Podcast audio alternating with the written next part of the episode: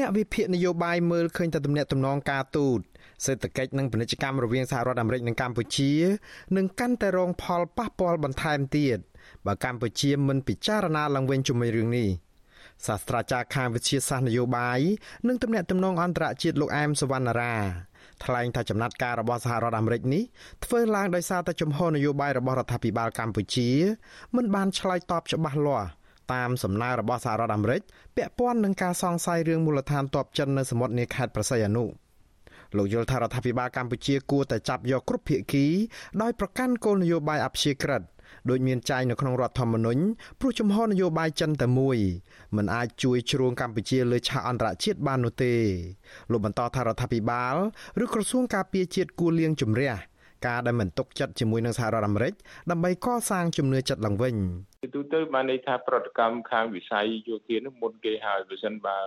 តំណាក់តំណងខាងវិស័យយោធាធ្លាក់ចុះខ្ញុំគិតថាតំណាក់តំណងខាងវិស័យការទូតនិងវិស័យសេដ្ឋកិច្ចពាណិជ្ជកម្មហ្នឹងក៏អាចធ្លាក់ចុះដែរហើយបើយើងមើលអំពីវិស័យការទូតសហរដ្ឋអាមេរិកក៏ជាអ្នកគ្រប់គ្រងមួយខ្លាំងនៅលោកខាងលិចដែលជា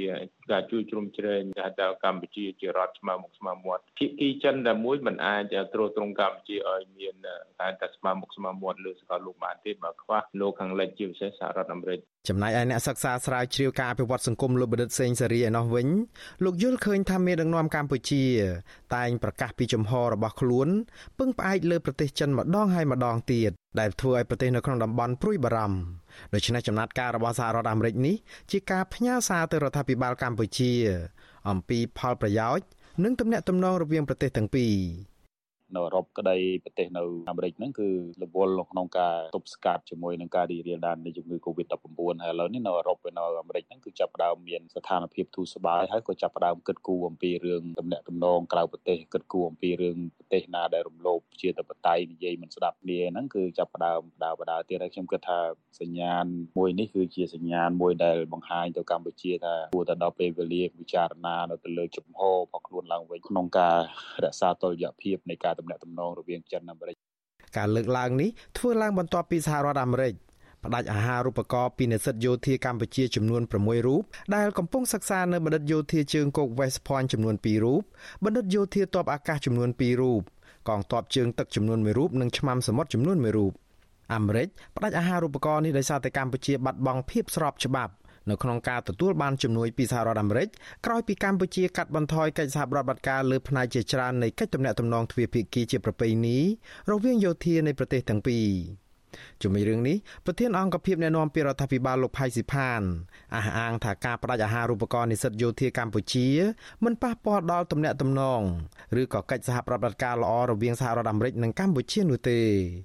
រដ្ឋាភិបាលកម្ពុជាប្រកាន់ចំហចំហអធិបតេយ្យភាពរបស់កម្ពុជាការបង្គាប់បញ្ជាពីបរទេសណាមួយទេតាមរយៈទេការចង្អុលត្រាប់និងបញ្ជារបស់រដ្ឋាភិបាលកម្ពុជាអានេះជាចំហកម្ពុជាដើម្បីផលប្រយោជន៍កម្ពុជាហើយកម្ពុជាមិនមែនរួមមហាអំណាចណាឆ្លោះគ្នាគឺអត់ទេគឺយើងនៅកណ្ដាលហើយតែយើងនៅតែនិយាយតែជាដើរតួជាអ្នករៀបចំវេទិកាដើម្បីការពារនៃថេរភាពនិងសន្តិភាព បើទោះបីជាយ៉ាងនេះក្តីក្រុមអ្នកវិភាគយល់ឃើញថាការបដិអាហារូបករណ៍និស្សិតយោធាកម្ពុជានេះគឺជាការបង្ហាញអំពីទំនាក់ទំនងល្អក់កករវាងសហរដ្ឋអាមេរិកនិងកម្ពុជាបន្ថែមទៀតក្រោយពីកម្ពុជាលុបចោលសម្ពយុទ្ធយោធារវាងសហរដ្ឋអាមេរិកនិងកម្ពុជានៅឆ្នាំ2017និងរដ្ឋាភិបាលកម្ពុជាប្រកាសជំហរងាកទៅរកប្រទេសចិនរួមទាំងការរំលាយប្រជាធិបតេយ្យនៅកម្ពុជាជាដើមផង។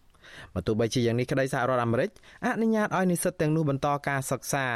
ប្រសិនបើពួកគេអាចរកថវិកាបង់ថ្លៃសិក្សាបានឬរដ្ឋាភិបាលកម្ពុជាជួយបង់ថ្លៃសិក្សាឲ្យពួកគេដោយសារតែពួកគេខិតខំសិក្សានិងមានលទ្ធផលល្អជាការឆ្លើយតបក្រសួងការពារជាតិកម្ពុជាកាលពីថ្ងៃទី2ខែកក្កដាប្រកាសថាអាមេរិកបានសម្រេចដោយឯកតោភាគីនៅក្នុងការឈប់ផ្តល់អាហារូបករណ៍ផ្នែកថ្លៃសិក្សាដល់និស្សិតយោធាកម្ពុជានេះ។ ក្រសួងនេះបញ្ជាក់ទៀតថារដ្ឋាភិបាលនឹងទទួលបន្តបង់ថ្លៃសិក្សាសម្រាប់និស្សិតយោធាកម្ពុជាទាំង6រូបនោះរហូតបញ្ចប់ការសិក្សានៅសហរដ្ឋអាមេរិកក្នុងចំណោមនិស្សិតទាំង6នាក់នោះមាននិស្សិតខ្លះនឹងត្រូវបញ្ចប់ការសិក្សានៅឆ្នាំ2022 2023និង2024រដ្ឋាភិបាលកម្ពុជានឹងត្រូវចំណាយប្រាក់ជាង1លានដុល្លារដើម្បីបង់ថ្លៃសិក្សាសម្រាប់បញ្ចប់ការសិក្សារបស់ពួកគាត់ ក្រុមអ្នកតាមដានស្ថានភាពកម្ពុជាយល់ថាចំណាត់ការរបស់សហរដ្ឋអាមេរិកនេះទំនងជាចង់បញ្ជាក់ប្រាប់ថាកម្ពុជាកំពុងតែដើរលើបន្ទាត់ក្រហម ដែលផ្ទុយពីរដ្ឋធម្មនុញ្ញរបស់ខ្លួនម្យ៉ាងវិញទៀតរដ្ឋាភិបាលកម្ពុជាមិនគួរឆ្លើយតបតាមរយៈកាយវិការជួយបង់ថ្លៃសិក្សាឲ្យនិស្សិតនោះទេព្រោះជំហរនយោបាយបែបនេះមិនមែនជាដំណោះស្រាយដើម្បីបញ្ចប់ការបន្ទុកចិត្តគ្នា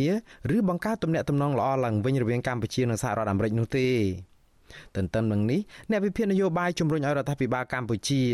អនុវត្តកាតព្វកិច្ចរបស់ខ្លួនដោយឈលលើគោលការណ៍អព្យាក្រឹតស្របតាមរដ្ឋធម្មនុញ្ញដើម្បីរក្សាទំនាក់ទំនងល្អនិងផ្ដល់ប្រយោជន៍ដល់ប្រជាពលរដ្ឋខ្មែរខ្ញុំបាទមុងណារ៉េត With you Azizi Saray ប្រធានាធិបតី Washington